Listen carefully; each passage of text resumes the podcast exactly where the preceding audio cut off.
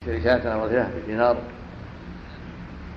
فاشترى شاتين ثم باع إحداهما بدينار ثم أتاه بالشاة بالدينار فدعا له النبي بركة في بيعه فكان لو اشترى التراب لربح فيه.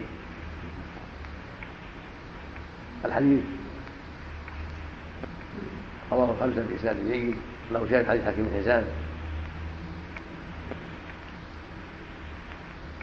وأخرجه البخاري في قصة. وهو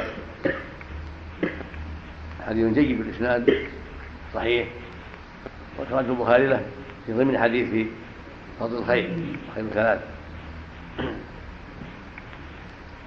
وذكره في عرض الحديث في إسناد فيه مبهم. ومن رواية البخاري فيه ضعف. ولكنه من رواية غيره لا بأس به. وهو دليل على جواز تصرف الفضول إذا رأى المصلحة الوكيل أن لا بأس أن يتصرف فيما يراه مصلحة للموكل وإن كان لم يعين له ذلك فإن عروة أعطاه النبي دينار يشتري شاة فاشترى به شاتين رأى المصلحة اشترى شاتين ثم باع إحداهما بدينار ورجع بدينار والشاة للنبي صلى الله عليه وسلم فدعا له بركة البيع. هذا يدل على جواز هذا التصرف وأن المالك إذا أمضى تصرف وأجازه فهو ماضي ومثل هذا يشكر إذا تصرف تصرف ينفع البائع فلا شك أن البائع يشكره ويمضيه ولا يأبى ذلك إلا جاهل أو أحمق.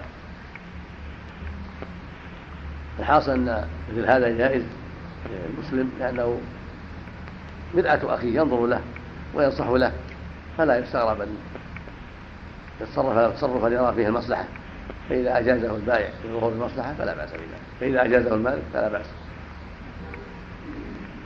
والعلماء لهم في هذا اختلاف والصواب هذا القول من دل عليه حديث عروة أن الفضول يجوز ويمضي إذا أجازه. صاحب الحق سواء كان بيعا أو شراء أو إجارة أو مساقاة أو نحو ذلك مما يتحرى فيه الوكيل المصلحة لموكله.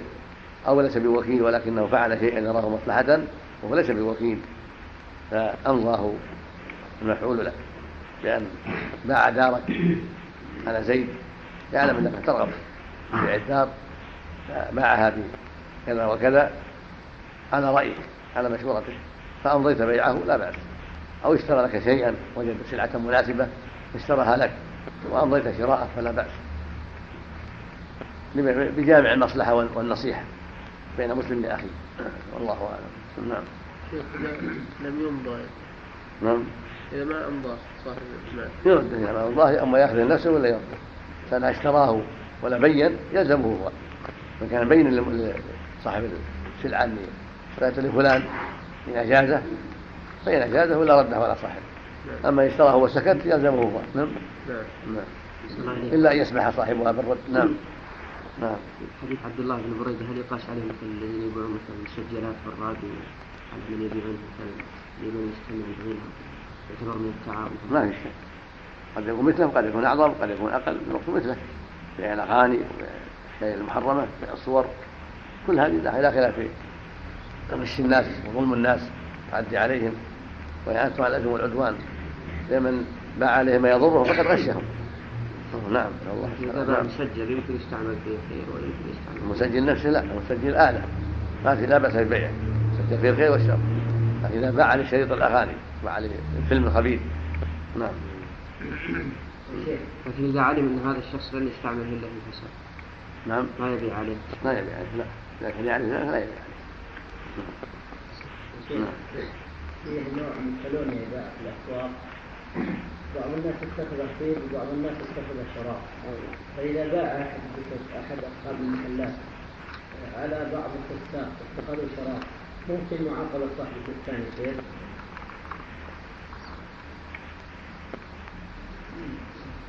أولا يبحث في نفس الكالونيا هذه هل تباع أم لا؟ لأن الأظهر عدم بيعها. إذا كانت تستعمل شرابا وفيها ما يسكر فالأظهر تحريم بيعها والواجب منعها سدا لباب الشر.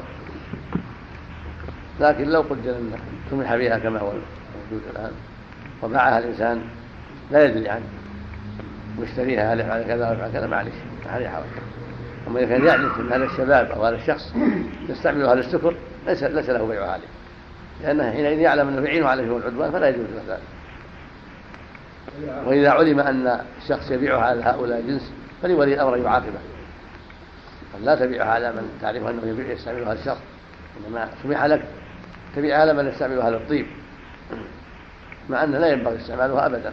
يظهر لنا أنه لا ينبغي استعمالها أبدا ما دام مما يسكر. ما يكون فيها التسبيح المعروف فلا يجوز استعمالها ينبغي الحذر منها. نعم. يعني ما يجوز فيها نعم. ما يجوز لا ما ينبغي المؤمن فيما أباح الله الأغنية عنها. نعم. الله أعلم. كذلك تأجير نعم. البيوت. تأجير البيوت والدكاكين الفساق الذي لا يستعملونها مثلا مثلا يضعون فيها آلة له هذا عاد صعب. هذا صعب. لكن إذا عرف ذلك لا يجوز عليه. أما إذا ما عرف لأن الدكاكين والبيوت قد يدخل فيها أشياء. ضمنا ما هي مقصودة بالأصالة. يعرف. قل بيت يسلم من الشر. يعرف. لكن إذا كان يعد هذا للباطل لا يحرم كان دكان يعرف من يستاجره يستاجره يعرف نفسه أنه يستجيب الدخان بيع الدخان بيع الخمر بيع ما يجوز. سواء بيع دكان ولا غير دكان ولا مبسط ولا غيره. حلاق يحلق اللحى يعرف ما كذلك يحرم عليه الجامع ولا تعاونوا على العدوان. الجامع أنه لا يعين عليه العدوان إذا عرف ذلك أو غلب على ظنه ذلك.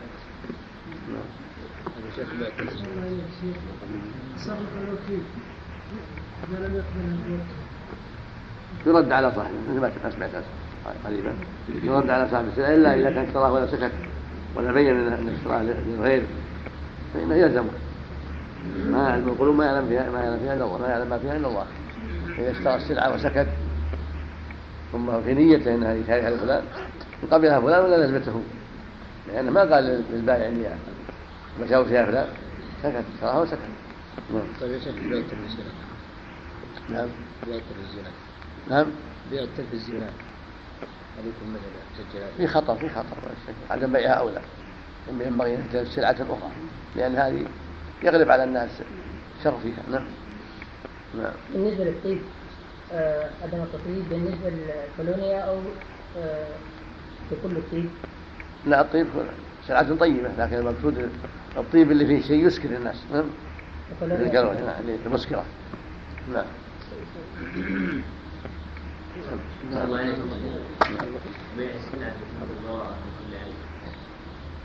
لا بأس إذا افترض أنه لا أنه بريء من عيب لكن لا إذا كان يعلم لا بد يبين وإذا كان الكلمة عيب لا يعلمه لا بأس.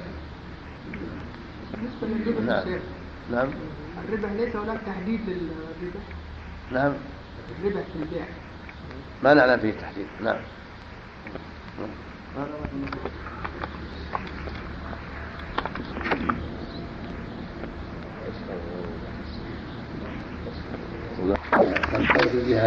الحمد لله رب العالمين والصلاة والسلام على نبينا محمد وعلى آله وصحبه أجمعين. قال رحمه الله تعالى وعن أبي سعيد الخدري رضي الله عنه أن النبي صلى الله عليه وسلم نهى عن شراء ما في بطون الأنعام حتى تضع وعن بيع ما في ضروعها وعن شراء العبد وهو آبق وعن شراء المغانم حتى تقسم وعن شراء الصدقات حتى تقبض وعن ضربة الغائص. رواه ابن ماجه والبزار والدار قطني بإسناد ضعيف. وعن ابن مسعود رضي الله عنه قال قال رسول الله صلى الله عليه وسلم لا تشتروا السمك في الماء فإنه غرض رواه أحمد وأشار إلى أن الصواب وقفه. وعن ابن عباس رضي الله عنهما قال نهى رسول الله صلى الله عليه وسلم أن تباع ثمرة حتى تطعم ولا يباع صوف على ظهر ولا لبن في ضرع. رواه الطبراني في الأوسط والدار قطني وأخرجه أبو داود في المراسيل لعكرمة وهو الراجح. وأخرجه أيضا موقوفا على ابن عباس بإسناد قوي. ورجحه البيهقي. وعن أبي هريرة رضي الله عنه أن النبي صلى الله عليه وسلم نهى عن بيع المضامين والملاقيح. رواه البزار وفي إسناده ضعف. وعن أبي هريرة رضي الله عنه قال قال رسول الله صلى الله عليه وسلم من أقال مسلما بيعته أقاله الله عثرته. رواه أبو داود وابن ماجه وصححه ابن حبان والحاكم. باب الخيار. بسم الله الرحمن الرحيم. قال رحمه الله تعالى هذه هذه هذه الاحاديث الخمسة الأربعة الأول منها ما يتعلق بأنواع من بيع الغرض. قد تقدم في الحديث الصحيح الحديث الصحيح أن النبي صلى الله عليه وسلم نهى عن بيع الغرض ونهى عن بيع ما ليس عندك. وهذه الأشياء التي ذكرت هنا تلحق بذلك بالغرض وبيع ما ليس عند الإنسان. الحديث الأول حديث سعيد النبي صلى الله عليه وسلم نهى عن شراء ما في ما في حتى تضع وعن بيع ما في ضروعها هذا واضح لأن الغرض في شراء ما في بطون الأنعام قد يولد حيا وقد يولد, ميتا وقد يولد تاما وقد يولد ناقصا. فالغرض ظاهر. ولهذا لا يصح بالإجماع. وكذلك ما في ضروعها قد يكثر وقد يقل. فلا يجوز بيعه. وعن بيع العبد وهو آبق كذلك لأن لا يولى على تقسيمه فالغرض ظاهر وعن بيع المغانم حتى تقسم كذلك لأنها قبل قسمها لا يدري عن نصيبه ولا يدرى ماذا يحصل له فالغرض حاصل. وعن بيع الصدقات حتى تقبل كذلك ولا الصدقة عند فلان أو عند فلان أو في بيت المال ليس ليس عنده. فبيعها داخل في قوله لا سلم ليس عنده. وعن ضربات الغائص كذلك ما يدركه الغائص في البحر. وأنا ابيعك غيصتي هذه بكذا وكذا. قد يحصل على شيء وقد لا يحصل على شيء. قد يحصل على شيء ضئيل. لؤلؤة صغيرة أو ضعيفة. فالغرض والمخاطرة موجودة في هذا. وهذا الحديث وإن كان في سنده ضعف. فجميع المسائل الست كلها تشهد على الأحاديث الصحيحة والقواعد المعتبرة في الشرع بالمنع.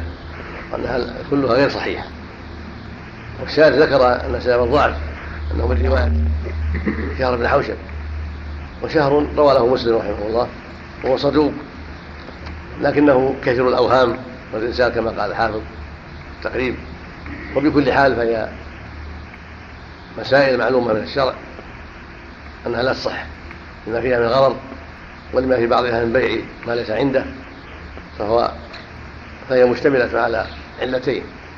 بيع ما ليس عنده مع الغرض. وبيع ما ليس عند الإنسان مشتمل على الغرض.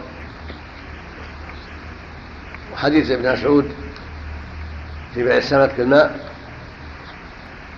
الصواب وقفه والمعنى ظاهر. بين بيع السمك في الماء غرض ظاهر يبيع سمكة أو سمكتين أو عدد كذا وكذا أصيدها لك من البحر هذا غرض. ولا يصلح. قد تكون صغيرة وقد تكون كبيرة قد يحصلها وقد لا يحصلها فلا يصلح. ولهذا قال فإنه غرض والمعنى ظاهر. لكن لو كان في ماء مضبوط ليس في غرض فلا بأس. لو كان في بركة قد قد صادها وجعلها في بركة أو شبه ذلك مما ليس في غرض ولا مخاطرة فلا بأس. لكن المقصود هنا صيد صيد السمك في البحر أو في الأنهار هذا هو الممنوع لأنه غرض. كان حديث ابن عباس في بيع الثمرة حتى تطعم يجوز ربطه بالطعم. من أطعم حتى يبدو صلاحها حتى تطعم حتى يؤكل منها يعني حتى يعني يحصل منها الينع والأكل منها. والمعنى بدو صلاحها وجاء هذا المعنى في عدة أحاديث صحيحة. عن النبي صلى الله عليه وسلم من حديث أنس حديث جابر وغيرها. وقد روى أحمد رحمه الله الجزء الأول عن ابن عباس حتى تطعم بسند جيد عن ابن عباس. والاحاديث الكثيرة في هذا واضحة في النهي عن بيع الثمار حتى يبدو صلاحها. وذلك لأن بيعها قبل ذلك فيه غرض وقد تبتلى بآفة فيخسر المشتري.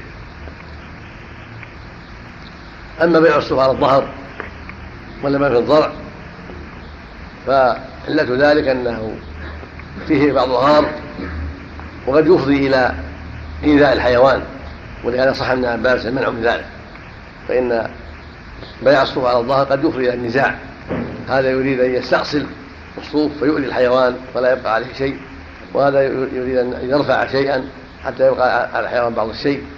فالمقصود أنه يفضي إلى نزاع وخصومة وغار واللبن في الضاء كذلك. في غار قد يقل قد يكثر قد قد يتأذى الحيوان أيضا بشدة حرص المشتري على أصل اللبن وأخذ ما في الضرع. فالحاصل أن هذا فيه من الغر ما يكفي في المنع. وقلنا عباس في هذا جيد. سواء كان مرفوعا أو موقوفا الموقوف صحيح والمرفوع يتأيد بالموقوف والعلة ظاهرة في المنع. أما حديث المضامين والملاقيح فقد فسر المضامين بما في بطون النوك والملاقي ما في بطون الجمال ما في ظهور الجمال والعكس وكلاهما غار فبيع ما في بطون الإبل غار وبيع ما ينسل هذا الجمل غرض كله ممنوع بالإجماع لأن الغرض ظاهر. وهو بيع معدوم أيضا يعني ما في ظهور الجمال ما له قيمة. وأيضا نسله معدوم وكذلك ما في بطون الإبل. غرر لا يدرى هل يتم أو ما يتم وهل يسقط حيا أو ميتا أو تاما أو ناقصا ومتى تلد فهو على كل حال من من جنس حبل الحبلة في غار كل هذه البيوعات كلها ممنوعة وكلها غرض ومن ومن محاسن الشريعة مجيئها بالنهي عن هذا لقطع النزاع والقضاء على أسباب الغرض والمخاطرة والإبقاء على المودة والمحبة والصفا بين المسلمين. أما الحديث الخامس هو حديث رواية في الإقالة هذا يدل على فضل الإقالة. من قال مسلم بيعته قضى عشرته فالإقالة إحسان ومعروف جاء به الشرع. والإنسان قد يندم إذا باع يندم إذا اشترى. فالإقالة مطلوبة ومشروعة سواء كانت من البائع أو من المشتري. فقد يندم البائع على بيع السلعة ويود بقاءها فإذا قاله المشتري فقد أحسن. يندم المشتري في السلعة ويود أنه يقال فإذا قاله البائع فقد أحسن. والمسلمون شيء واحد وإخوان والمسلم أخو المسلم فإذا تسامحا وتقايلا سواء كان الراعي البائع أو الراعي المشتري هذا من مكارم الأخلاق ومن محاسن الأعمال وله هذه الدعوة المباركة. إن الله يقيل عثراته في الدنيا وفي الآخرة. من أحسن أحسن إليه. واحسنوا إن الله يحب المحسنين. والجزاء من جنس العمل. فالجزاء الاحسان إلى الإحسان. فمن قال مسلم بيعتها قال الله عثرته. فقد يعثر في الدنيا وقد يعثر في الآخرة. والعثرات كثيرة. قد تضره في الدنيا وقد تضره في الآخرة. والله اعلم سم نعم هذا كله بعد انقضاء الخيار اما في وقت الحجار فلا فلا فلا باس ما يحتاج اذن للانسان الرجوع في وقت الخيار أو مده الخيار لكن هذا بعد مده الخيار أو في حال اذا تساقط الخيار نعم حديث المضامين ضعيف يقول فيه ضعف نعم نعم لكن ما ما ما وقفت على سنده ما راجعت سنده المؤلف بين انه في ضعف وبكل حال معناها واضح بالإجماع. ما دل عليه مع الحديث. واضح بالإجماع. نعم. نعم. نعم. هذه هذه يسمى سلف كان في الذمة ما في بأس. إلى أجل معلوم سن, سن معلوم وأجل معلوم هذا سلف أما إذا قال بيعك ما في بطنها الناقة أو ناقته ثانية وثانية ما بطنها اليوم. أو ما في بطنها في العام الآتي اللي بيتحمل في العام الآتي. هذا اللي ما يجوز. أما في ذمته يجيبها من أي من أي جهة. نعم. هذا سلام مثل لو قال أبيعك من ذمتي 100 صاع أو 100 وزنة أو من كذا كذا. هذا لا بأس. لكن لو قال بيعك ثمرة النخل ما صح. ولو هو بجراح ولو هو بجراح نعم. طيب نتيجة من أحيان الأراضي الرقم عليها ويبيعون هذا الرقم. ما يجوز لها بغرض هذا ما يجوز. حتى يحوزها ويعرفها يتم يتم ملكه عليها. نعم. نعم. إذا خصص الإنسان السمك اللي في الماء بوزن معين نوع معين. نعم. إذا إنسان مثلا خصص في الصياد مثلا السمك اللي في الماء قال مثلا هذه مثلا كان عد 20 كيلو مثلا.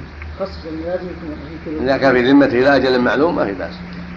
إلى أجل معلوم يصير ويعطي ما في بأس. أما السمك المعين في الماء بعد حاجة ولو في الذمة ما يصلح غرض. أما بسم الله الرحمن الرحيم. الحمد لله رب العالمين والصلاة والسلام على نبينا محمد وعلى آله وصحبه أجمعين. قال رحمه الله تعالى باب الخيار. عن ابن عمر رضي الله عنهما عن رسول الله صلى الله عليه وسلم قال إذا تبايع الرجلان فكل واحد منهما بالخيار ما لم يتفرقا وكانا جميعا. أو يخير أحدهما الآخر. فإن خير أحدهما الآخر فتبايع على ذلك فقد وجب البيع. وإن تفرقا بعد أن تبايعا ولم يترك واحد منهما البيع فقد وجب البيع متفق عليه واللفظ لمسلم. وعن عمرو بن شعيب عن أبيه عن جده رضي الله عنهم أن النبي صلى الله عليه وسلم قال البائع والمتاع بالخيار حتى يتفرقا إلا أن تكون صفقة خيار. ولا يحل له أن يفارقه خشية أن يستقيله. رواه الخمسة إلا ابن ماجه رواه الدار قطني وابن خزيمة وابن الجارود وفي رواية حتى يتفرقا من مكانهما. وعن ابن عمر رضي الله عنهما قال ذكر رجل لرسول الله صلى الله عليه قال ذكر رجل ذكر رجل لرسول الله صلى الله عليه وسلم أنه يخدع في البيوع فقال إذا بايعت فقل لا خلابة متفق عليه. أما بعد هذا في الخيار. والخيار اسم مصدر من اختار يختار اختيارا وخيارا معناه الإذن في أن في أمرين أو أكثر. يختار أحدهما أو أحدها يقال هذا يقال خيار. إذا جعل له أن يأخذ أحد الشيئين أو أحد الأشياء يسمى خيارا. وهنا هو إذن الشارع له في أحد الأمرين إمضاء البيع أو عدم إمضاء البيع. فالخيار بينهما هذا الباب فيما يتعلق بإذن الشارع له في اختيار الإمضاء أو عدمه في خيار المجلس وخيار الشرط وغيرهما من أنواع الخيار. وهو من سماحة الإسلام ومن المصالح للمتعاملين. وفيه فوائد لأنه يستدرك به الضلالة والغبن وربما بدا للبائع ألا يبيع والمشتري ألا يشتري فجعل الشارع له فرصة الخيار رفقا بالعباد وتيسيرا عليه. وهذا من رحمة الله وإحسانه جل وعلا. ومن محاسن هذا الدين. ومن محاسن الشريعة الإسلامية في المعاملات فالبائع قد يعجل فيندم.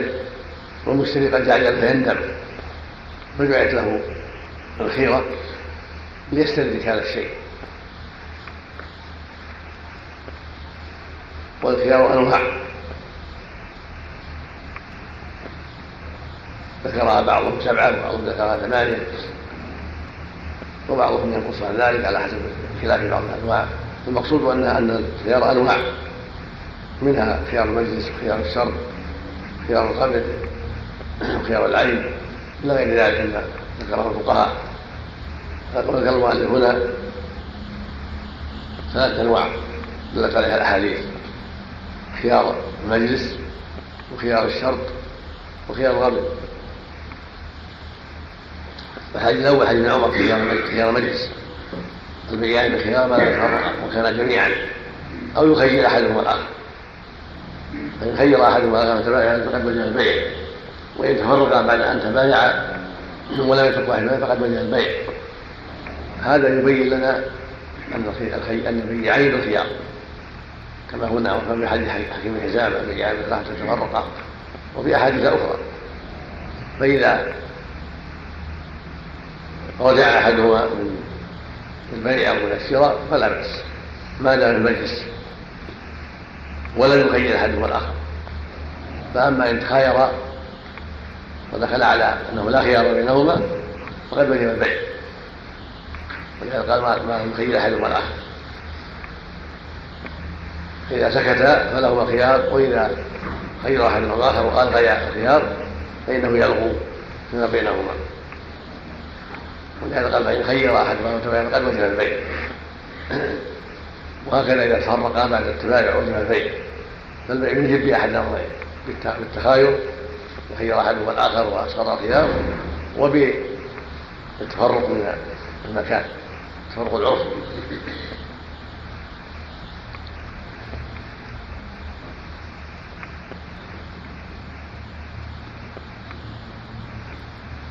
ويلحق بذلك بيع المنافع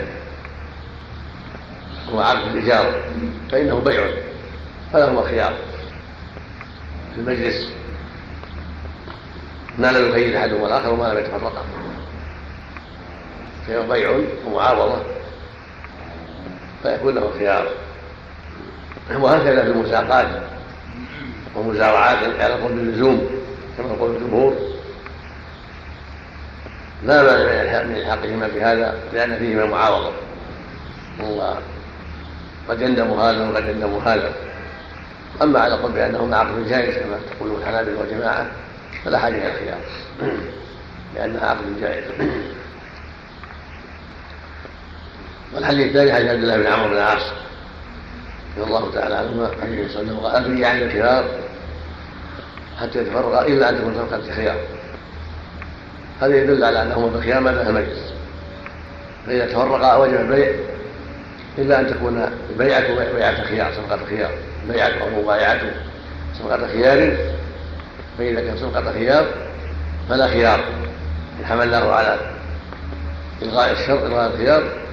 وإن حملناه على الشرط فالمعنى إلا صفقة خيار هي صفقة شرط فيها الخيار لمدة معلومة. وهو محتمل.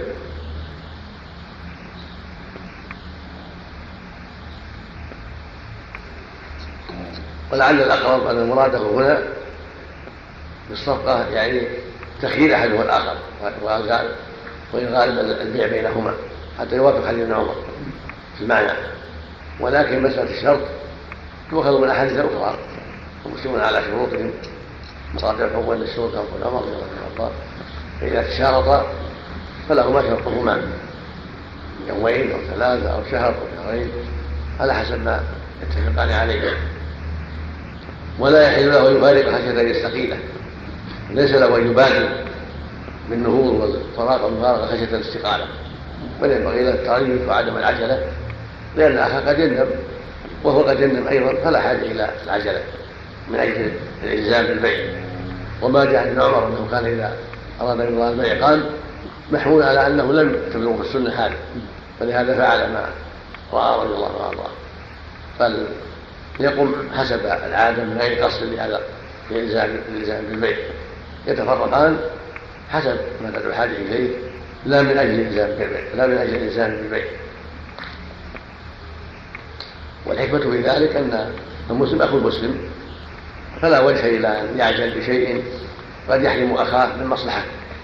بل يتريث ولا يعجل حتى يقوم القيام المعتاد الذي يقومه لولا البيع. والحديث لا بأس بإسناده فإنه رواه أهل السنن من طريق قتيبة عن الليل عن ابن عجلان عن ابن شعيب فالمقصود أن إسناده لا بأس به. والحديث ذلك حديث ابن عمر في قصة حبان المنقذ. كان قد أصابه شيء في رأسه فكان قد يخدع ولا يتميز له العقد المناسب قد يغلط. وذكر النبي صلى الله عليه وسلم يخدع. فقال إذا بايعت فقل لا خلاف يعني لا خديعه ولا فجر. في روايه أنه جعله فيها ثلاثة أيام. لأجل النقص الذي فيه. رأسه في عقله بسبب المرض الذي أصاب رأسه. وكان حديث يحب البيع والشراء والدخول في المعاملة مع الناس. فجعل النبي صلى الله عليه وسلم الخيار ثلاثة أيام ينظر ويتأمل. حتى لا يخدعه غيره. وهذا يدل على جواز مثل هذا وأن من غبن فله الخيار إذا كان مثله يوبل ولا بأس أن يجعل ثلاثة أيام يدعو أنه يخدع. حتى لا يضره الناس وحتى لا يظلم. والغبن عذر شرعي في الخيار في من لا يدخل البيع يفوته بعض الشيء فإذا ثبت أنه مغبون أو أهل خبرة فله الخيار. بما يعد غبنا عرفيا أما الخمر اليسير فيعفى عنه. لأن الناس يقع لهم ذلك ولو كانوا خزاقا لكن الغم الذي يضره ويراه أهل المعرفة غمنا يكون من الخيار وهذا يختلف باختلاف السلع والاكمال فالغم الريال في العشره والاشباه ليس بغم ومئة الألف في المليون غم كبير. المقصود أن يختلف بحسب أحوال السلع وأثمانها فيعد يعد يعد قبلا عرفا عند أهل الخبرة وأهل البصيرة في البيوع يحضر به القاضي عند النزاع. نعم. حبان بن منطق نعم حبان بن منطق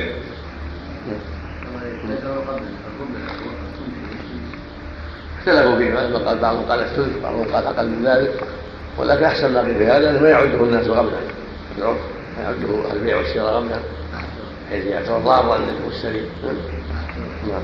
إسقاط الخيار يسمى يسمى في اللغة مخايرة. نعم. إسقاط الخيار. نعم. إلغاء يعني. نعم. الخيار يسمى نعم. الخائطة. يعني ألغى. نعم. ألغى الخيار هل يقاس على من كان نعم. في ضعف أقل ضعف أحسن عليك نعم. يقول لا خلاف بحيث يفضل نعم. يقول هل يقاس على هذا الصحابي؟ ما ما شابه. ما شابه. حكمه حكم عليه نعم. فرق نعم. فرق أحسن ليش بما يعد تفرقا إذا قام هذا أو قام هذا أو قام جميعا متفق طوال فاتفق نعم. أو خرج من الحجره أو خرج من البيت أو خرج من محل. البيع سوق البيع؟ سوق خاص بالبيع؟ فقام وخرج منه يعني لا يعد حرمه للناس منه نظر أما ما دام الحجره جامعه يخرجون فيها أو في المجلس اللي هم فيها وما أشبه ذلك. لا باس نعم ما يرجع للعرف هو العلماء عرف بالعرف البضاعة رخيصة بيعت نعم. كانت البضاعة رخيصة بسعر مرتفع لا يعد العرف النصيحة قبل بعد فقط نعم. مخايره نعم. من الارداد المخايرة. نعم. المخايرة. من الأرض تطلق. على كان الخيار. حسن مشترك يستعمل يعمل فيه يستعمل فيه إثبات الخيار وفي إلغاء خير أحد آخر يعني قال له اختر ويعني أن- أنجز الخيار أنجز الآن. نعم. نعم. معنى اختر الآن. هو على بابه لكن معناه إلغاء الحكم الثابت. نعم. الغى خيار المجلس. هو خيار يلغي يلغي خياره. نعم. نعم. نعم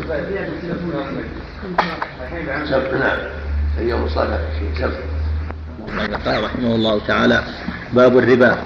عن جابر رضي الله عنه قال لعن رسول الله صلى الله عليه وسلم آكل الربا وموكله وكاتبه وشاهديه وقال هم سواء. رواه مسلم. وللبخاري نحوه من حديث أبي جحيفة. وعن عبد الله بن مسعود رضي الله عنه عن النبي صلى الله عليه وسلم قال الربا ثلاثة وسبعون بابا. أيسرها مثل أن ينكح الرجل أمة. وإن أربى الربا عرض الرجل المسلم. رواه ابن ماجه مختصرا والحاكم بتمامه وصححه. وعن أبي سعيد الخدري رضي الله عنه أن رسول الله صلى الله عليه وسلم قال لا تبيعوا الذهب بالذهب إلا مثلا بمثل ولا تشف ولا تشفوا بعضها على بعض ولا تبيعوا الورق بالورق إلا مثلا بمثل ولا تشفوا بعضها على بعض ولا تبيعوا منها غائبا بناجز متفق عليه.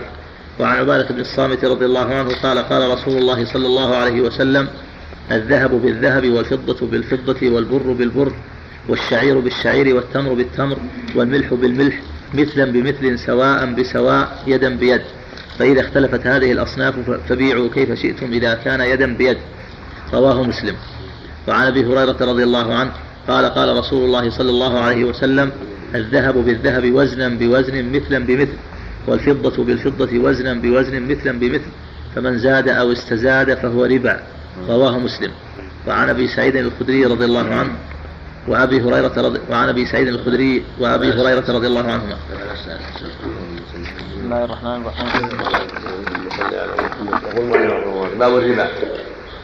الربا في اللغة زيادة قرب الشيء يربو زاد. ونمى وإذا ازدادت فربت. يعني ظهر منها ما يسر الناظرين من النباتات وارتفاع ما فيها من أنواع الخضر أما في الشرع فهو زيادة مخصوصة في أموال مخصوصة وهي ربا الفضل في أموال مخصوصة من الذهب والفضة التمر والشعير والحنطة والملح. هذا أمر مجمع عليه في هذه الأمور الستة. قد أجمع العلماء قاطبه على أن هذه الأمور الستة فيها الربا. ويقال هذا الناس ستة واختلفوا فيما زاد على ذلك. والجمهور الحقوا فيها ما يشبهها من المطعومات. جعلوها مثل الغرز والذرة والنخل والعدس وغير هذا مما يكال من الدهر والحق بعضهم بالذهب والفضة كل الموزونات ولكن في هذا نظر في الحق غير الذهب والفضة بها نظر. والمقصود من هذا كله أن الربا زيادة مخصوصة في أموال معينة لا في كل مال. هذا أمر مجمع عليه. ليس ربا في كل مال بل في أموال مخصوصة. وهذه الأموال المخصوصة أجمع العلماء على الستة منها وهي الذهب والفضة وهذه الأمور الأربعة التي هي البر والشعير والتمر والملح هذه الستة كلها مجمع على تحريم الربا فيها ربا الفضل وربا النسيئه واختلف العلماء فيما سوى ذلك مع إجماعهم على أنه ليس في كل شيء الربا بل في بعض دون بعض. ولهذا لو باع أرضا طولها كذا بأرض طولها أكثر أو عرضها أكثر جاز ذلك. ولو باع سيارة بسيارتين أو ماكينة بماكينتين جاز ذلك. فليس من الربا في شيء. وهكذا لو باع ثيابا بثياب أكثر أو أواني بأواني أكثر أو أثقل أو أخف. كل هذا ليس من الربا في شيء. ويأتي تفصيل ما في هذا إن شاء الله.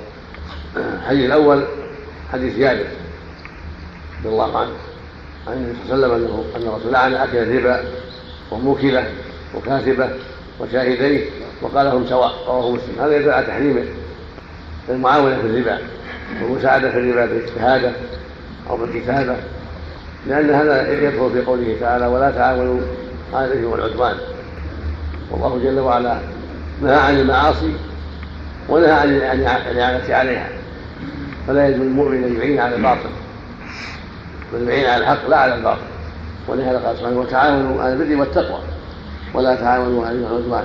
والكتابه الربا نوع من المعاملة. وهكذا الشهادة. فلهذا لعن الرسول صلى الله عليه وسلم الكاتب والشاهد في الربا. كما لعن الآكل والموكل.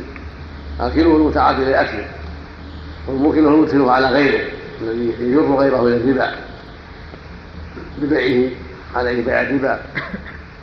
أو إذنه له في ذلك أو تشجيعه له على ذلك. ويظهر من هذا أيضا أن جميع أنواع المساعدات في الربا داخلة في ذلك.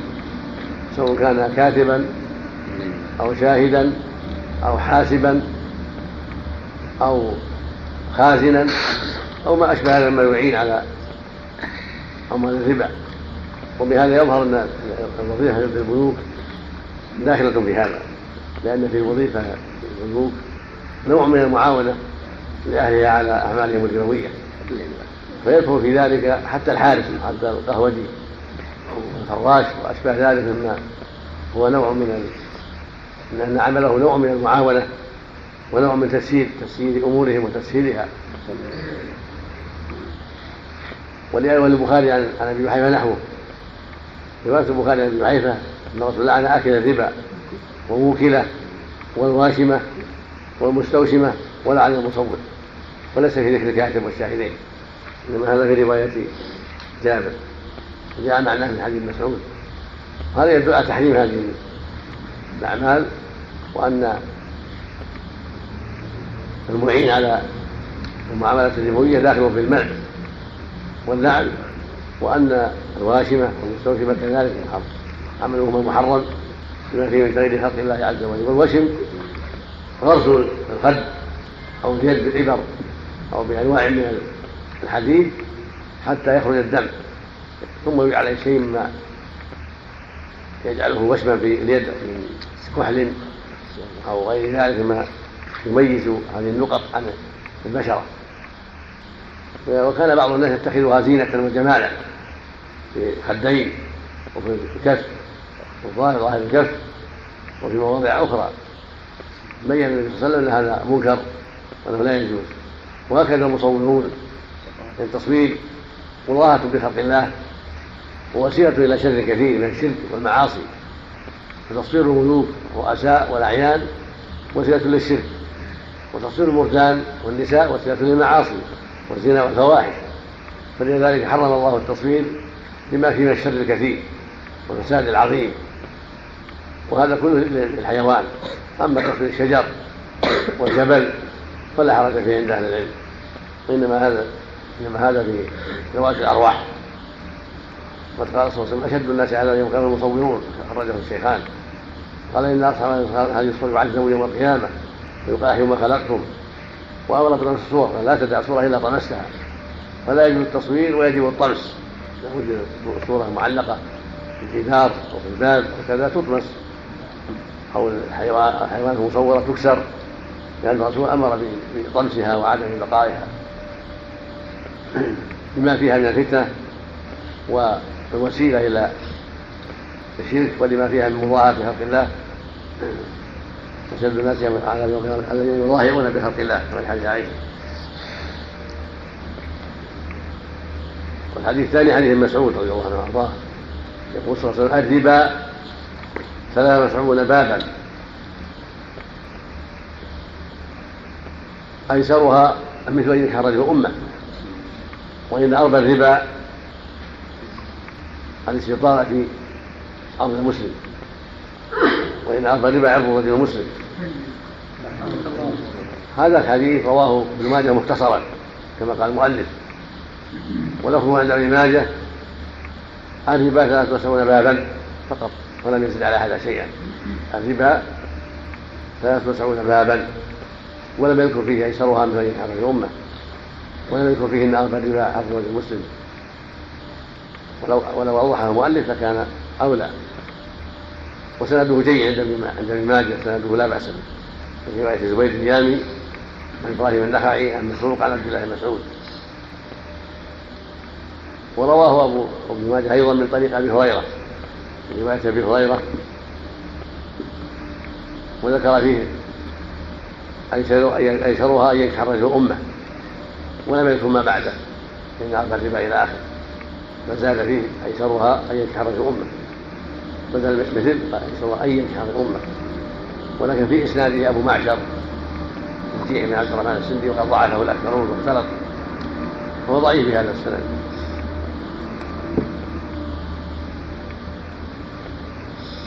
وهذه الزيادة فيها شيء النفس منها شيء ليس الله يخرج الأمة. إلا إذا حمل كما هو ظاهر من الألفاظ الأخرى ولفظ أبي هريرة بدل ثلاثة الربا سبعون حوبا ففيها الكسر من باب حسن الكسر. بدل بابا حوبا يعني ذنبا. وأما الحاكم فرواه كما قال المؤلف فهو بتمامه كما ذكر المؤلف هنا. وقال إنه على شرط الشيخين وأقره الذهبي على ذلك. والمؤلف أقره هنا ولم يعترضه. فظاهر ما رواه الحاكم أنه لا بأس بإسناده بهذه الزيادة. وهذا يفيدنا الحذر من الربا بانواعه كلها. وأنه يدخل في الربا ما ليس من ما ليس من المعاملات الربوية المالية. فيكون الربا أعم من كونه تصرفا في المال ويلحق به ما هو محرم بكونه معصية لله عز وجل ولأنه تعاطاه بغير وجه شرعي. فأشبه الربا الذي يؤخذ المال فيه بغير وجه شرعي. فتعاطي المعاصي لا وجه له ولا مبرر له. فهو يشبه صاحب الربا المتوعد بالنار على رباه وهو أخذ المال بغير حق. أو جعله نسيئة بل منع الشارع من ذلك. والتمثيل بنكاح الأم يدل على شدة الوعيد شدة الخطر. عظم الذنب والتمثيل بالعرض يدل على أنه لا يختص بالمال كما تقدم بل يدخل في ذلك المحرمات الأخرى كالغيبه والنميمة وتعاطي ما حرم الله من الفواحش الأخرى.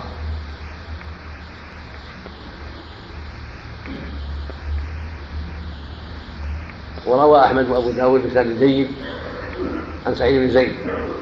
احد العشره رضي الله عنه. عن النبي صلى الله عليه وسلم قال إن من أغفى الربا الاستطاله في عرض المسلم بغير حق. هذا يدل على أن الغيبة عن سعيد بن زيد احد العشره رضي الله عنه. عن النبي صلى الله عليه وسلم قال إن من أغفى الربا الاستطاله في عرض المسلم بغير حق. هذا يدل على أن الغيبة ولا سيما مع التوسع فيها انها من اغفى الربا يعني من أقبح المحرمات. ان يستطيع في عرض أخيه. قد زعم بعضهم أن هذا معناه سبتان بالسبه كما ذكر الشارع شارع أهل السبل هنا ما ما اعتنى بالموضوع بينما تكلم كلاما قليلا. وليس هذا بجيد السبتان بالسبه ليس هذا هو الاخطاء في العرض. هذا ظلم. سبتان بالسبه من الظلم.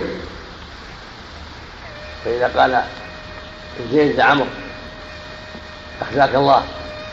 فقال له جوابا لا بل أخزاك الله ولعنك فقد زاده سبة ثانية نعم؟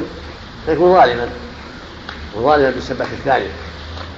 أو قال أخزاك الله وأخزاك الله كررها هذا ظلم. إنما القصاص يقول أخزاك الله أنت. هذا قصاص لا يزيد عليها. أو لعنك الله أنت لا يزيد عليها قصاصا. فإذا زاد فهذا من الظلم والربا. تشبيها له بدرهمان بدرهم. ولكن كون الاستطالة فيما يظهر أوسع من هذا. يعني ظلم وربا بمعنى أنه زاد عليه لكن الاستطالة ظاهرها أنه التوسع في ذلك والاستمرار في ذلك. فإن جنس الغيبة محرمة وكبيرة لكن إذا توسع في ذلك واستطال في ذلك صار آثم وأشد. نسأل الله العافية. والحديث الثالث حديث أبي سعيد. النهي عن بيع الذهب بالذهب والفضة بالفضة ولا سواء بسواء فلا تكشف بعضها على بعض. لا تنقص بعضها من بعض. بل يجب أن يكون أن يكون سواء ذهب بذهب سواء بسواء. مثل مثل وزن بوزن. وهكذا الفضة. بفضة يجب أن يكون العوضان سواء. إذا كان من جنس واحد. والغالب أنه لا يباع الجنس بالجنس إلا لحاجة إما نوع رضي بطيب أو العلة الأخرى. دعت إليها حاجة المتعاوضين فلا بد أن يكون سواء لا زيادة. مثل سواء بسواء يدا بيد ولو كان هذا مصنوع وهذا كبر لا بد يكون سواء. إن شرى خاتما من الذهب بقطعة من الذهب فلا بد يكون سواء. أو قلادة من الذهب بسبر من الذهب أو بنقد من الذهب دنانير لابد أن يكون سواء. وإلا فليشتري بشيء آخر غير الذهب. وهكذا الفضة سواء بسواء. لا يباع منها شيء بأكثر من شيء من بأكثر بل لابد أن يكون سواء. ولا يباع منها غاية بناجز لا يباع شيء حاضر بمؤجل سواء أجل مسمى أو غير أجل مسمى. إذا تفرقا فقد باع غير بناجز فلا بد يكون يدا بيد لا يتفرقان إلا وقد تسلم كل واحد حقه. فإذا قال خذها الجهاد بكذا إلى أجل أو إلى غد أو أجيبها لك بعد حين ما ما يصلح. فلا بد من التقاوم المجلس يدا بيد سواء بسواء. وهكذا حديث عبادة ذكر فيه المر والشعير التمر والملح مثل مثل الذهب والفضة. وجاء هذا المعنى من حديث سعيد أيضا من حديث أبي هريرة أيضا. في من زاد أو زاد أو استزاد فقد أربع فهو ربا في الآخر والمعطي سواء. هذا كله يبين لنا شدة الحريم هذه الأشياء وأن الواجب فيها سواء كانت ذهبا أو فضة أو برا أو شعيرا أو تمرا أو ملحا أو ما في معنى ذلك. كالدخن والذرة والأرز وأشبه ذلك لا بد أن تكون سواء بسواء يدا بيد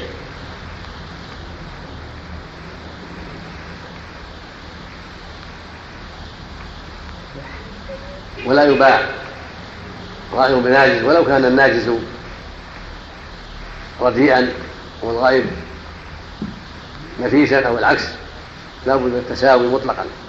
سواء كان نفيسين أو رديئين أو أحدهما نفيس والآخر ردي كل ذلك سواء لا بد من التساوي. ولهذا لما اشترى بلال النبي صلى الله عليه وسلم تمرا من خيبر جنيبا يعني طيبا بتمر الرجل بأكثر صاعا بصاعين قال اوح إلى الربا. نهى عن ذلك الردة المقصود أنه لا بد من التساوي مطلقا ولو كان أحدهما جيدا والآخر رديئا. فيبيع الردي ثم يشتري من الطيب بالنقود يبيعه بالنقود ثم يشتري ولا يبيع هذا بهذا متفاضلا. وكان الذهب الردي بالذهب الطيب لا يباع متفاضلا بل يبيع الذهب الردي بالنقد أو بغيره من الفضه أو غيرها ثم يشتري الذهب الجيد بمال آخر غير الذهب. الحمد لله ابواب المعاملة واسعة؟ والله ما سد على الناس بابا باب شر إلا فتح لهم ابوابا أخرى يحصل بها المقصود.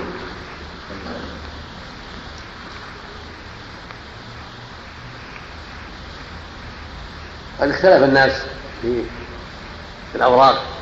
هل تقوم مقام الذهب والفضة؟ التي الآن بني الناس بها وصارت هي محل الاثمان وهي قيم المبيعات والأكثر والأرجح على أنها تقوم مقام الذهب والفضة وأن الربا يجري فيها كما يجري في الذهب والفضة ودرس هذا الموضوع وأن في هيئة العلماء.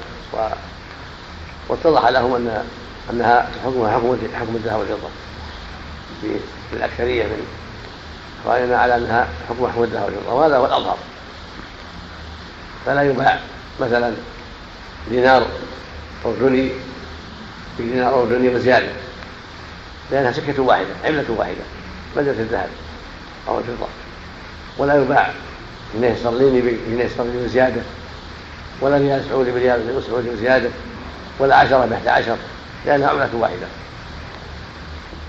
ولا تباع غائبة بناجز لا يباع مئة بمئتين غائبة ولا دينار بدينار غائبة ولا استرليني بجنيهين استرليني غائبة الصواب أنها حكمها حكمها لأن الله جعل هذه قيما للمبيعات وأثمن للسلع وجعل بها مصلحة الناس. فإذا جعل السلع أن تباع بزيادة فسد أمر المعاملة هذه وانضر الفقير فأصابه ما أصاب في الذهب والفضة سواء بسواء فليس المقصود نسل الذهب والفضة ونحوه المقصود ما يترتب على ذلك من تساهل الناس بهذه البيعات وتراكم الديون في ذمم وحفظها في البنوك أو غير البنوك حتى تقل العمل بين الناس وتقل المشاريع الخيرية وتفسد أمور الناس بجعل هذه النقود سلعا تباع وتشترى بالربح. فأقرب وظهر أن حكمها حكم الذهب والفضة سواء بسواء فلا يباع جنس منها بجنس بجنسه مفاضلة ولا نسيئة ولا يباع جنس بجنس آخر نسيئة. فلا يباع مثلا الدولار بالدرهم السعودي نسيئة ولا الدولار الدولار بالدينار الأردني أو العراقي نسيئة أو يستفضل بغيره نسيئة بل له يدا بيد كما لا تباع الذهب بالفضة نسيئة. فهكذا لا يباع عملة بعملة نسيئة بل لا بد من التقابل لأنها نزلت منزلتها وجعلت مكانها واختفت الذهب اختفت الذهب والفضة الآن وصارت ترصد ولا تستعمل. نعم. والحديث الخامس حديث عندنا خامس حديث أبي هريرة وزنا بوزن كذلك حديث ابي هريره مثل حديث أبي سعيد ومثل حديث ابي مثل حديث عبادة سواء بسواء. وقل فإذا اختلفت الأصناف عرفت معناه. ولما اختلفت الأصناف جازت التفاضل ولم يجوز النساء. حرم التفاضل حرم النساء وبقي التفاضل. فتبيع مثلا تمرا صاع تمر بصاعين من الشعير وتبيع صاعا من الحنطة بصاعين من الملح لاختلاف الجنس لكن يدا بيد. وتبيع الذهب بالفضة مثل مثقالا من الذهب بعشرين مثقالا من الفضة لأنها أدنى من الذهب. لكن يدا بيد. والله أعلم. زاد أو استزاد. نعم. قالوا من زاد أو استزاد يعني من طلب. من زاد في في النقد في الثمن أو طلب الزيادة نعم قدر نعم. عفى الله ثم ينظر إلى الرصيد؟ رصيد الأوراق النقدية. قد يكون رصيد الذهب وقد يكون رصيد الفضه الصواب لا ينظر. بعض بعض اخواننا قالوا ينظر. الصواب أنه لا ينظر لأن الرصيد ليس بأيدينا ولا نعرفه. وقد يكذبون فيه ولا يعول على كلامهم فيه. ولأن الرصيد لا يلتفت اليه عند المعاملة لا يلتفت الرصيد يلتفت إلى هذه النقود التي في الناس. ولا يدع رصيدها ولا يهمه رصيدها يهمه هذا الموجود في الناس فهو الذي يتعامل به وهو محل البيع والشراء. فليس هناك انتفاك للرصيد ولا يعرف الناس الرصيد. إنما يعرفه أشخاص خواص من أهل البصيره في شؤون الدول. يعني في العملة بلد تكون يعني مستقلة. لا مستقلة. كل جنس من العمل مستقل. إذا كانت نزلت بمنزلة الذهب جميع العمل وش الفرق فيه؟ نعم. إذا نزلت جميع العمل بمنزلة الذهب. وهم ما هي منزلة الذهب. والفضة جميعا. منزلة منزلة هؤلاء وهؤلاء. نعم. فلا يباع شيء منها بشيء منها متفاضل إذا كانت عملة واحدة. العملة الواحدة منزلة منزلة الذهب والفضة. العملة الواحدة. لا يباع بعضها بعض متفاضلا والعملتان بمزاج الذهب والفضة لا يباع منها شيء بشيء من السعر والعملتان مزاج الذهب والفضة والعملة الواحدة مزاج الذهب والفضة نعم. الله. وجه دخول نكاح الأم وعرض المسلم في الربا. مع الربا هو الزيادة.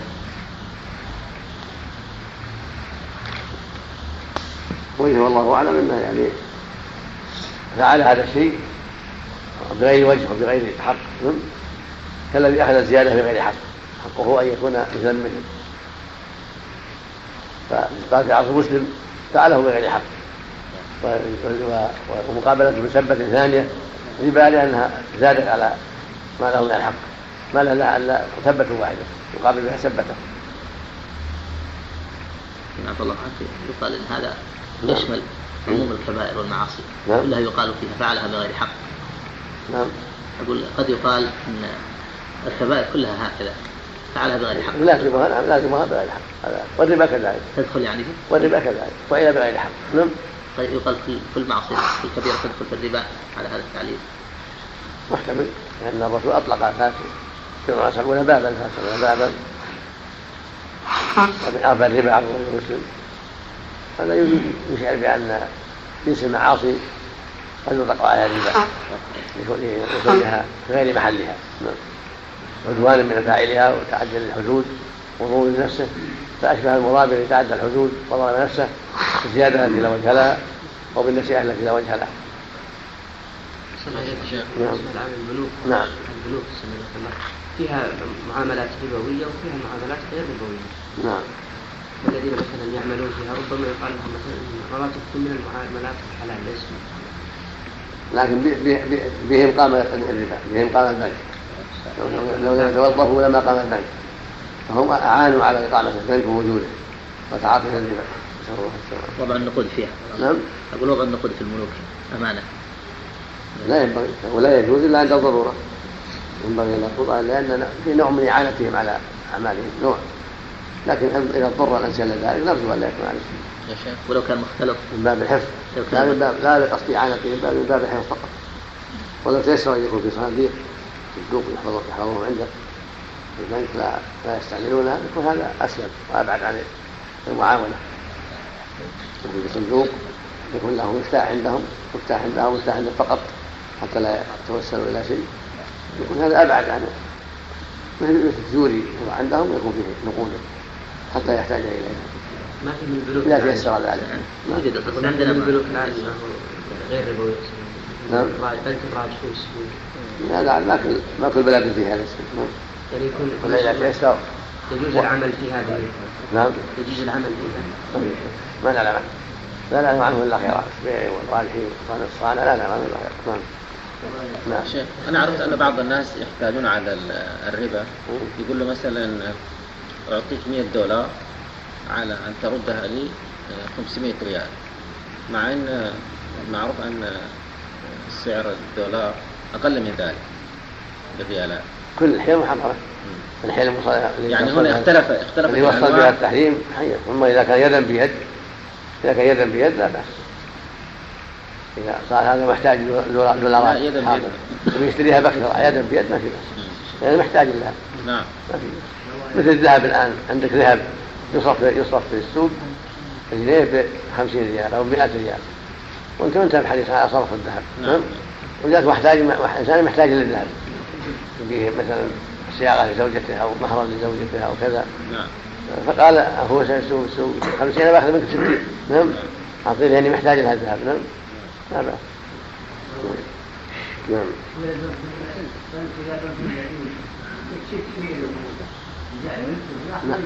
نعم.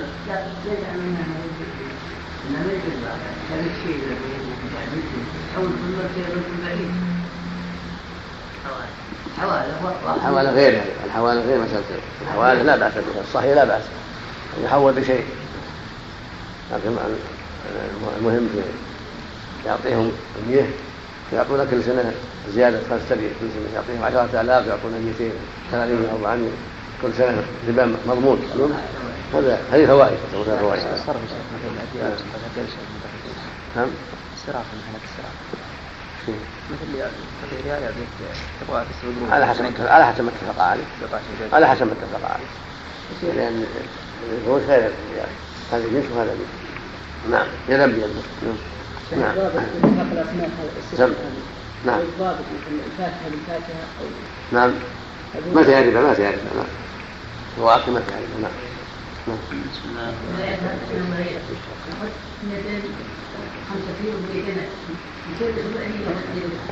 نعم. ما يجوز لابد من البيع.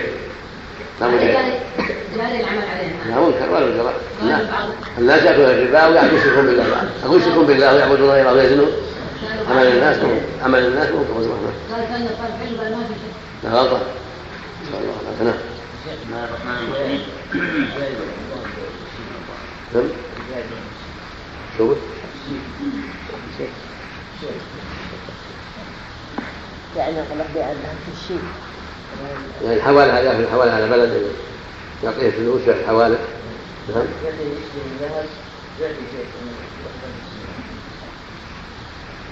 هذا فيه نظر ينبغي في هذا أن يأخذ الذهب ثم يحوله يأخذ الذهب منه ثم يحوله حتى لا يقع مشابهة للدين. يأخذ الذهب فضة أوراق فضة يأخذ الذهب. لا اللي عنده الباطنية ذهب الحقيقة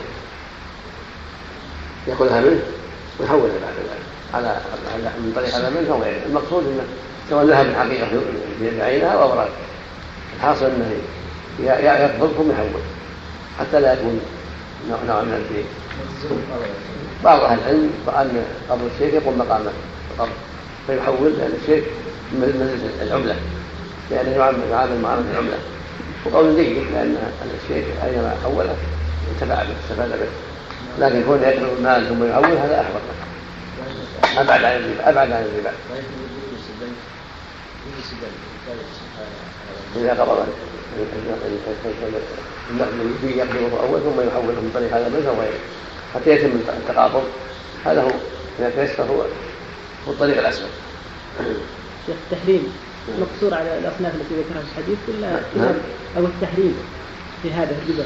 هذا الذهب فضه خاصة ما جاز في الذهب فضه أو مثل أو أو ما يلزم من تلك الأشياء سواء كيلات أو وزن. البر والشعير والحنطه وما في معنى هذه المكيلات المطعومة من الفرد والدخل ونحوه هذا هو الصواب.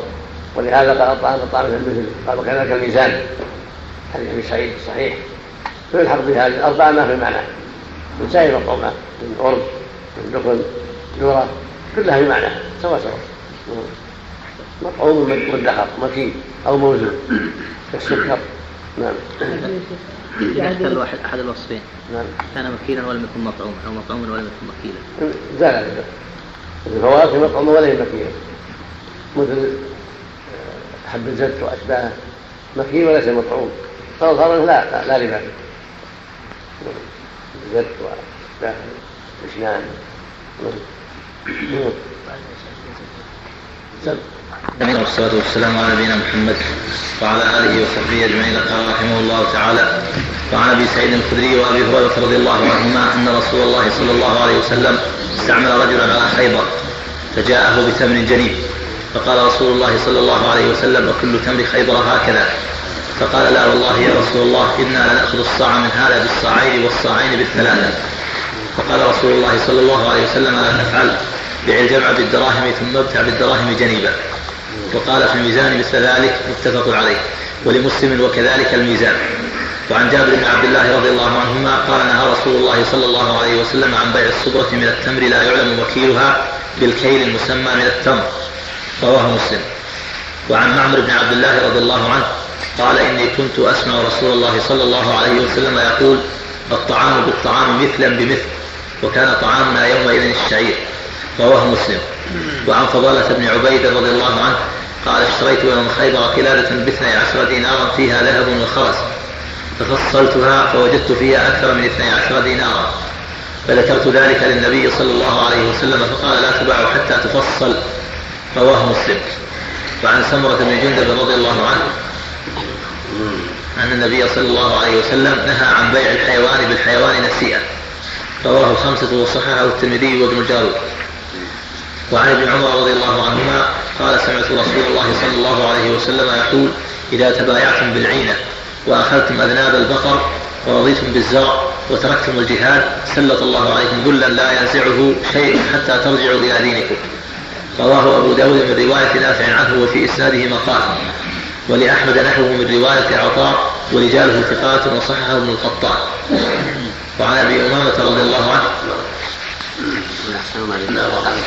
عرفوا على التفصيل اللي اشترى القلادة قال قربوا عليها اللهم صل وسلم على رسول الله الحديث الأول حديث أبي سعيد وأبي هريره رضي الله تعالى عنهما في قصة شراء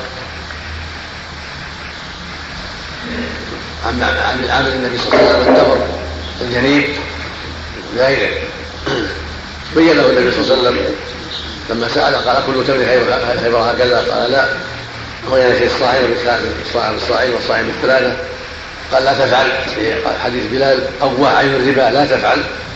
بيع جمع بالدراهم ثم ابتع بالدراهم جريمة تقدم أن هذا يدل على أن الجنس من أنواع الربا لا يباع متفاضلا مطلقا ولو ولو تفاضلت أنواعه وأنه شيء واحد فلا يباع إلا متماثلا يدا بيد سواء كان ذهبا أو فضة أو تمرا أو حبوبا أو غير ذلك.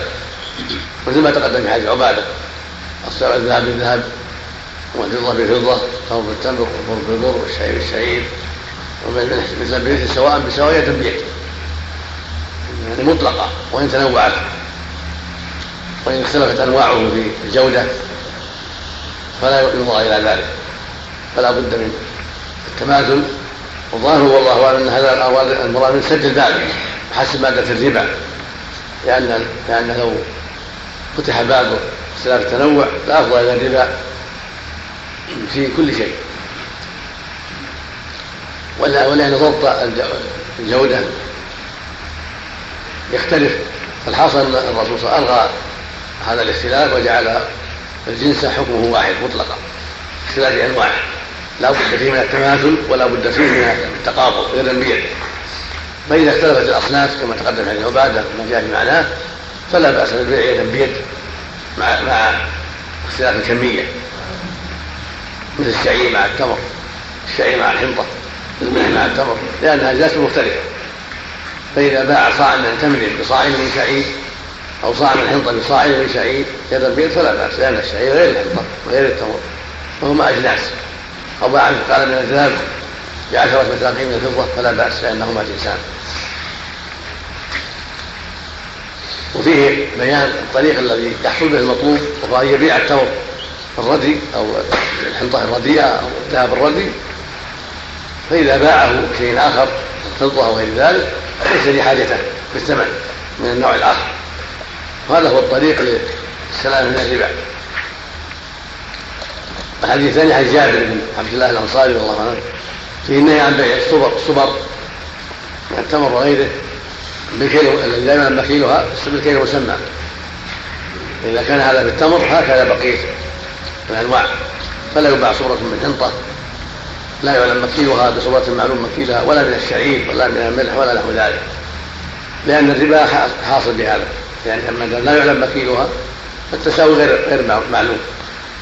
المطلوب التساوي مثلا بمثل والأحوال ثلاثة التساوي والتفاضل والجهل فالتساوي هو الجائز هو المشروط والتفاضل ممنوع وربا.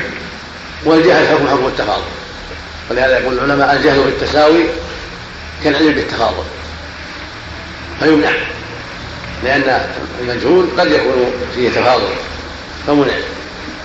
ولهذا جاء الحديث بهذا المعنى لما كيلها بكيل موسى من التمر. وجاء النهي عن بيع المزابنة والمحاقرة وأشباه كل من أجل سد باب التفاضل. والحديث الثالث حديث معمر بن عبد الله العدوي بن عمر رضي الله عنه النبي قال في النبي صلى الله عليه وسلم قال الطعام طمثا بمثل قال وكان طعاما يومئذ الشعير هذا يفيد أن الطعام يقصد في مسألة الربا ولهذا قال الطعام والطعام ربا. طعام مثل مثل هذا يدل على أن الطعام يدخل في الربا. والمراد بالطعام هنا المدخر. يدخر يكال ويدخر أو يوزن ويدخر. ولهذا قال كذلك الميزان قال الميزان مثل ذلك. جنس الطعام البر والشعير والحنطة والتمر والذرة والدخن يعمه جميعا. فلا بد فيه من التساوي مثل مثل بيد وقول الطعام هذا مطلق يفسره حديث عبادة وما جاء في معناه. فإن المراد بالطعام مثل مثل يعني الطعام الذي من جنس واحد. كالبر مع البر كالتمر مع التمر. ليس مراد جنس الطعام بل مراد الطعام الذي هو من جنس واحد. فالمطلق والمبهم والمجمل يفسره. الأحاديث الواضحة المفصلة. والحديث الرابع حديث فضالة بن عبيد في قصة قلادة. صار قلادة في هداب وخرز مثل عشرة دينارا. قال فوصلت ووجدت في أكثر من 12 دينارا قال لا تباع لها حتى تفصل لو قال رد ردها فأمر برد البيع حتى تفصل وحتى يصير الذهب بوزنه مثل مثل والبقية بثمن آخر. هذا يدل على أن الذهب إذا كان معه غيره لا بد من التفصيل وهكذا فضة. إذا بيع بجنسه كان قلاده فيها ذهب وبيعت بذهب. أو فيها فضة وبيعت بفضه هذا محل الرد محل التفصيل. أما لو باع الذهب والخرج بفضه فلا بأس. يدا بيد أو باع الفضة بذهب وفيه غيره لا بأس في يدا بيد وإنما محل الرد ومحل التفصيل إذا بيع بجنسه القلادة فيها الذهب بالذهب. وبيع فيها الفضه بالفضة. هذا محل التفصيل. على قاعدة متقدمة في حديث وبعد سواء بسواء حديث خامس حديث سمره بن جندب الحياة من الحوى النسيئه هذا صححه قوم بناء على سماع الحسن بن سمرة وصححه الترمذي أيضا وجزم بسماعه منه وقال آخرون لم يسمع منه. وجزم البخاري وجماعه بأنه سمع منه حديث العقيقه فقط. والكلام مشهور في كتب الرجال. والحديث يدل على تحريم بيع الحيوان بالحيوان نسيئه إذا كان كل منه نسيئة هذا محل المنع وهذا محل إجماع. وبيع الكالب بالكالب كما في آخر الباب.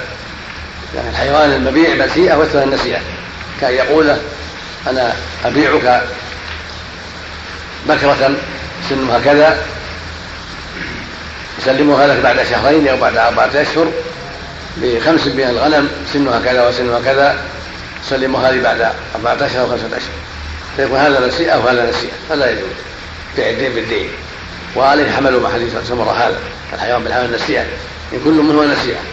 أما إذا كان أحدهما موجود والآخر نسيئة فهذا لا حرج فيه على الصحيح. كان يشتري بعيرا حاضرا بأربع من الغنم أو ببعيرين لا بأس. يأتيكم حديث عبد الله بن عمر النبي اشترى بعير بالبعيرين بالصدقة كما يأتي إن شاء الله. هذا هو الصواب. جاء في حديث آخر النبي نهى عن بيع الحيوان بيع الحيوان بالحيوان نسيئة بواحد ولكنه ضعيف. والصواب انه لا حرج في ذلك وأن يباع الحيوان بالحيوان نقدا لا نسيئة أو أحدهما نسيئة والآخر نقد لا بأس. إنما الممنوع أن يكون جميعا نسيئة. هذا هو الممنوع.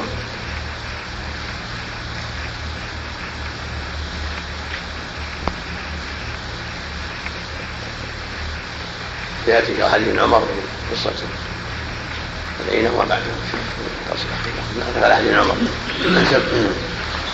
نعم. نعم. نعم. قال أبو حنيفة لا يصح سماعه. نعم. نعم. نعم.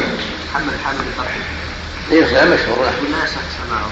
الخلاف مشهور لكن ثبت سماعه من حديث العقيقة سمعت سبرة نعم. لكن نعم. على عفوا الله على القول بعدم صحته يكون بيع يكون من بيع بيع الكعبة نعم نعم. يعني هذه الصورة داخلة. فيه نعم. حتى ولو ما صح الحديث. ولا ما صح نعم. قولها عفى الله الطعام بالطعام قولوا كذلك الميزان.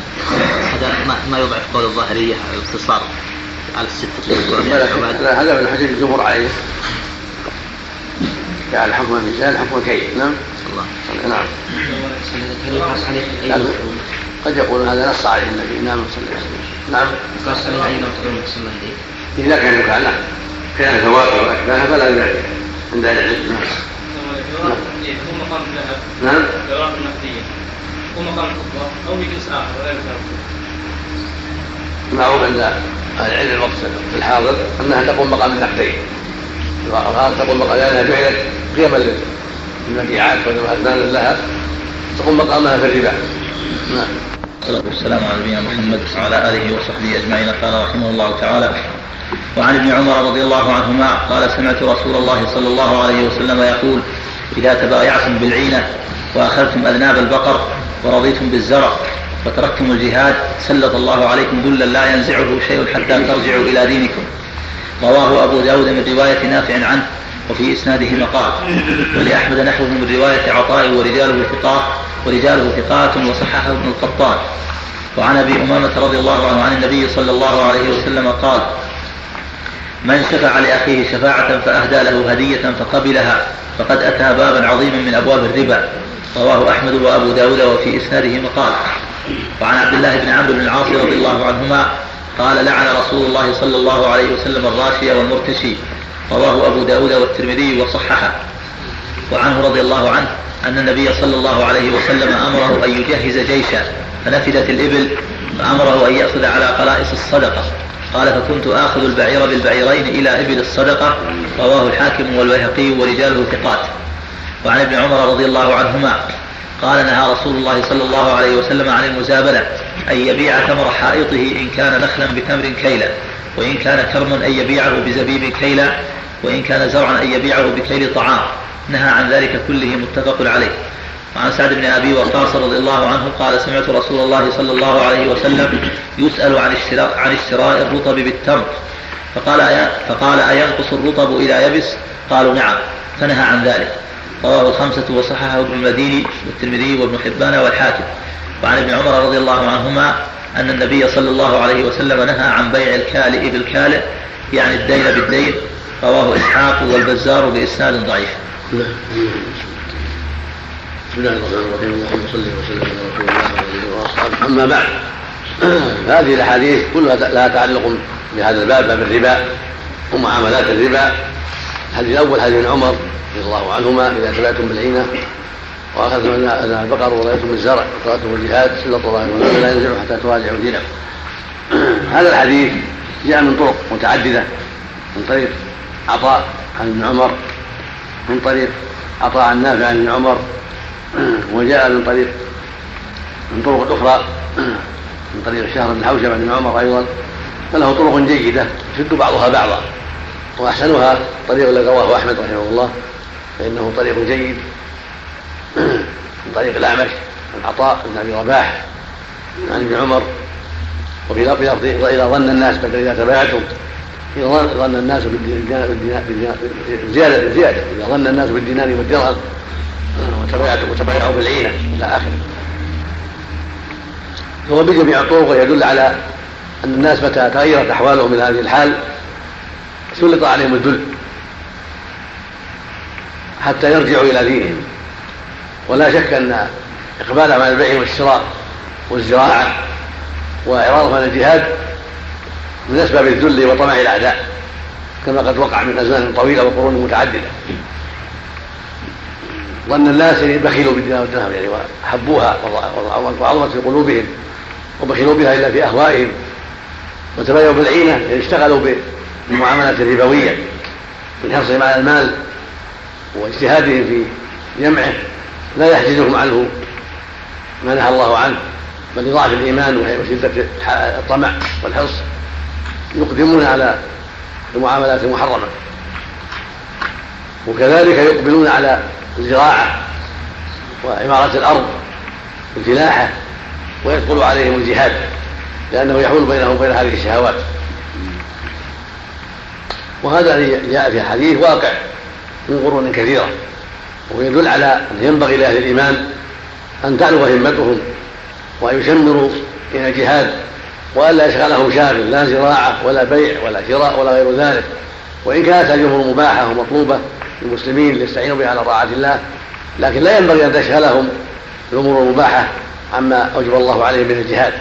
الزراعة والتجارة أمور مباحة وقد تستحب وقد تجد في بعض الأحيان لكن لا يجوز أن تشغل هذا الإيمان عما فيه عزهم ونجاتهم وظهور دينهم والعينه من العين وهو النقد وهي يبيع الإنسان السلعة إلى أجل ثم يشتريها بالعين بالنقد.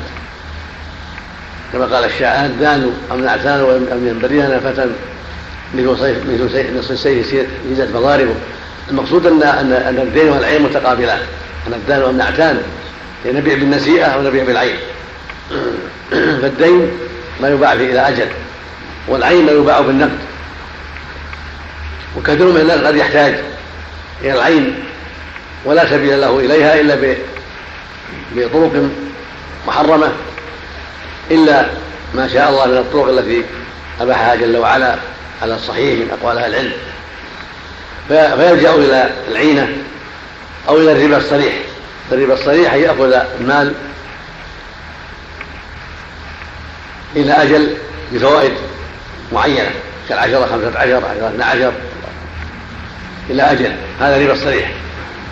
والعينة حيلة عن الربا فيشتري سلعة إلى أجل معلوم ثم يبيعها على من اشتراها منه بنقد لينتفع بالنقد. فيقول بعني هذه السيارة بعشرين ألف إلى كذا وكذا. واشتريها مني بخمسة عشر نقدا لأني في حاجة إلى النقد.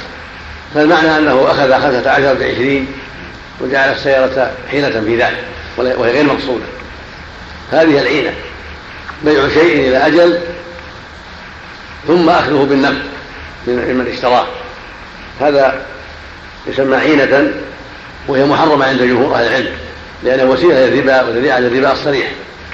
فلهذا حرمت. فإذا باع شيئا إلى أجل فليس له شراؤه بالأقل نقدا. أما شراؤه بمثله أو بأكثر لا بأس يعني بعيد عن الربا. أما يبيعه إلى أجل ثم يأخذه بالنقد فهذا هو العينة التي أشير إليها. وجاءت صريحة في رواية أبي إسحاق عن زوجته العالية عن عائشة أنه دخلت أن دخلت عليها أم بن أرقم. فقالت إن زيدا إن زيدا ما عليه إن إن زيدا اشترى مني غلاما إني بعت على زيد. إن زيدا اشترى مني غلاما ب بثمانمائة درهم إلى أجل. ثم باعه علي بستمائة درهم نقدا. فقالت لها عائشة أخبري زيدا أنه قد أبطأ جهاده مع رسول الله بئس ما اشتريت وبئس ما اشتريت. أمسك زيدا بكذا وكذا. فهذا يؤيد رواية ابن عمر أيضا ويكون شاهدا لها وهي شاهدة له أيضا. فرواية أبي إسحاق عن زوجته عن عن عائشة وقد رواها ابن القيم رحمه الله في في كتاب إعلام الموقعين وذكرها غيره أيضا. فهي مع حديث ابن عمر حجة في هذا المقام في تحريم معاملة العينة وهي كما سمعت أن تباع السلعة إلى أجل ثم تشترى بأقل يشتريها البائع بأقل فالمعنى أنه أعطى نقودا مؤجلة أعطى نقودا معينة معجلة بنقود مؤجلة. كما قصة زيد أعطى 600 درهم واصطبر ب 800 درهم إلى أجل. فكأنه أخذ منها ستا بثمان ولكن الغلام صار وسيلة صار واسطة. وهكذا السلع الأخرى. وهذا أشياء فاشل بين كثير من الناس. لكن لو اشترى السلعة وباعها على غير من اشتراها منه خرج عن مسألة العينة إلى مسألة الأخرى يقال لها التورط ويسميها الناس الوعدة. وقد خلف فيها العلماء أيضا على قولين منهم من منعها وهو مروي عن عن عمر بن عبد العزيز رضي الله عنه ورحمه وعن جماعة. ويختار الشيخ تقي بن تيمية رحمه الله منعها ويقول إنها من جنس مسألة العينة. وذهب الجمهور إلى جوازها لأنها ليست من جنس مسألة العينة بل البيع إلى أجل على شخص. والبيع بالنقد على شخص آخر وليست حيلة للربا ولا وسيلة للربا. فإذا اشترى من زيد سلعة إلى أجل كسيارة مثلا إلى أجل ثم قبضها وحازها ثم باعها في سوق يزيد أو على من شاء بعد ذلك لمن مؤجل ليتزوج أو يقضي دينا أو يعمر سكنا له أو ما أشبه ذلك فالصواب أنه لا حرج في ذلك يعم الأدلة. هم أدلة الاستدانة والبيع وحل الله البيع. جل وعلا. إذا تداين بالله فاكتبوه فالأصل حل البيع وحل المداينة هذا هو الأصل وهذه من هذا. وليست داخلة في العينة فالعينة لها شأن وهي وسيلة الربا يبيع الإنسان سلعة إلى أجل ثم يشتريها بأقل نقدا كما تقدم ولقصة زيد كما تقدم. أما هذه فهو يبيع فهو يشتري السلعة إلى أجل معلوم ثم يبيعها على غير من اشتراها منه بالنقد لينتفع بذلك. ليس كل أحد يجد من يسلبه ويقرضه فينتفع. وليس كل واحد يجد من يعطيه حتى ينتفع. فما بقي له إلا أن يشتري ويبيع ويتسبب حتى يقضي حاجته. وهذا هو الصواب. قول شيء لا ينزعه شيء. لم أجده في أبي داود شيء ولا في في مسند أحمد. فكأنها غلط بعض النساخ. الروايات التي وقفت عليها لا ينزعه يعني الله جل وعلا. حتى ترجعوا إلى دينكم حتى تراجعوا دينكم. أما إذا ينزع شيء لم أقف عليها ولعلها في بعض وقعت في بعض الروايات التي لم أقف عليها. فيه الحديث المذكور مثل ما تقدم الحث على الجهاد والترغيب في الجهاد والترهيب من الخلود إلى الدنيا وشهواتها والرضا بها والاعتياض بها عن نصر الدين وحماية بلاد المسلمين من شر أعدائهم وكيد أعدائهم. وفيه ذنب البخل بالدرهم والدينار وينبغي لأهل الإسلام أن لا يظنوا يظنوا بها وأن لا يبخلوا بها بل ينبغي ينفقوها في وجوهها في الجهاد في مواساة الفقراء والمساكين في المشاريع الخيرية فإنها لا فائدة فيها إذا ادخرت وإنما فائدتها ونفعها إذا أنفقت.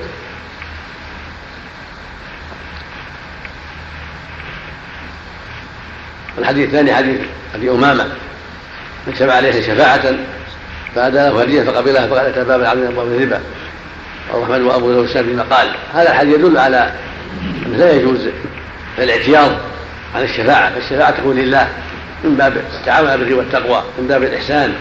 فلا ينبغي للعبد يعترض عنها شيئا. فهي من أخلاق المسلمين ومن صفاتهم الحميدة.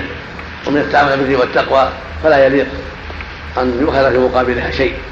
فإذا شفع لأخيه أن يواسى فقره أو يعافى من ضريبه من ضريبه أو يقضى دينه أو شفع في امور أخرى مما أباح الله ثم أهدى له هذا المشروع له فلا ينبغي له أن يقبل ذلك لأنها تكون معاوضات ويفضي ذلك إلى الشفاعة الباطلة وإلى الشفاعة بغير حق فلا ينبغي ذلك بل ينبغي أن يكون المؤمن حريصا على نيل الأجر وابتغاء مرضات الله وبذل جاهه فيما ينفع المسلمين من دون حاجة إلى أخذ المال. وقل في إسناده مقال لأن من رواية القاسم بن عبد الرحمن الدمشقي عن أبي أمامة وفيه كلام بعض أهل ضعفه ويروى عنه رحمه الله أنه ضعفه وقال إن إن أنه لا يرى إلا أن ما وقع من الأغلاط في روايته منه. والصواب أنه ليست الآفة منه وإنما الآفة من مما يروي عنه مثل علي بن زيد بن يزيد. الألهاني فإنه ضعيف جدا لا لا يعول عليه. ويأتي بأشياء غرائب عن عن القاسم هذا والعلة منه والآفة منه لا من القاسم. وهذا الحديث ليس من رواية علي بن يزيد ولكن من رواية خالد بن عمران الفقيه الصدوق. فالحديث لا بأس به على الراجح.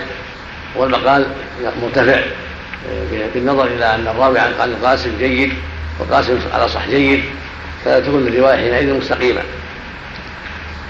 لسلامتها من الرواة الضعفاء عن القاسم. والقاسم الأرجح فيه أنه جيد إذا روى عنه ثقة. فالحديث يدل على تحريم قبول الهدايا للشفاعة وأن المؤمن يشفع لله وابتغاء مرضات الله ولا يشفع لأجل المال والطمع. الحديث الثالث من بعده حديث عبد الله بن عمرو بن العاص. هذه كذا حديث عبد الله بن عمرو في النهي عن عن الرشوة. لعن رسول الراشي والمرتشي الرشوة شأنها, شأنها خطير وبلاؤها عظيم. والرشوة ما يدفع للإنسان ليحيف في الحكم أو ليحيف في القضية التي يتولاها. فالراشي البادر والمرتشي القابل.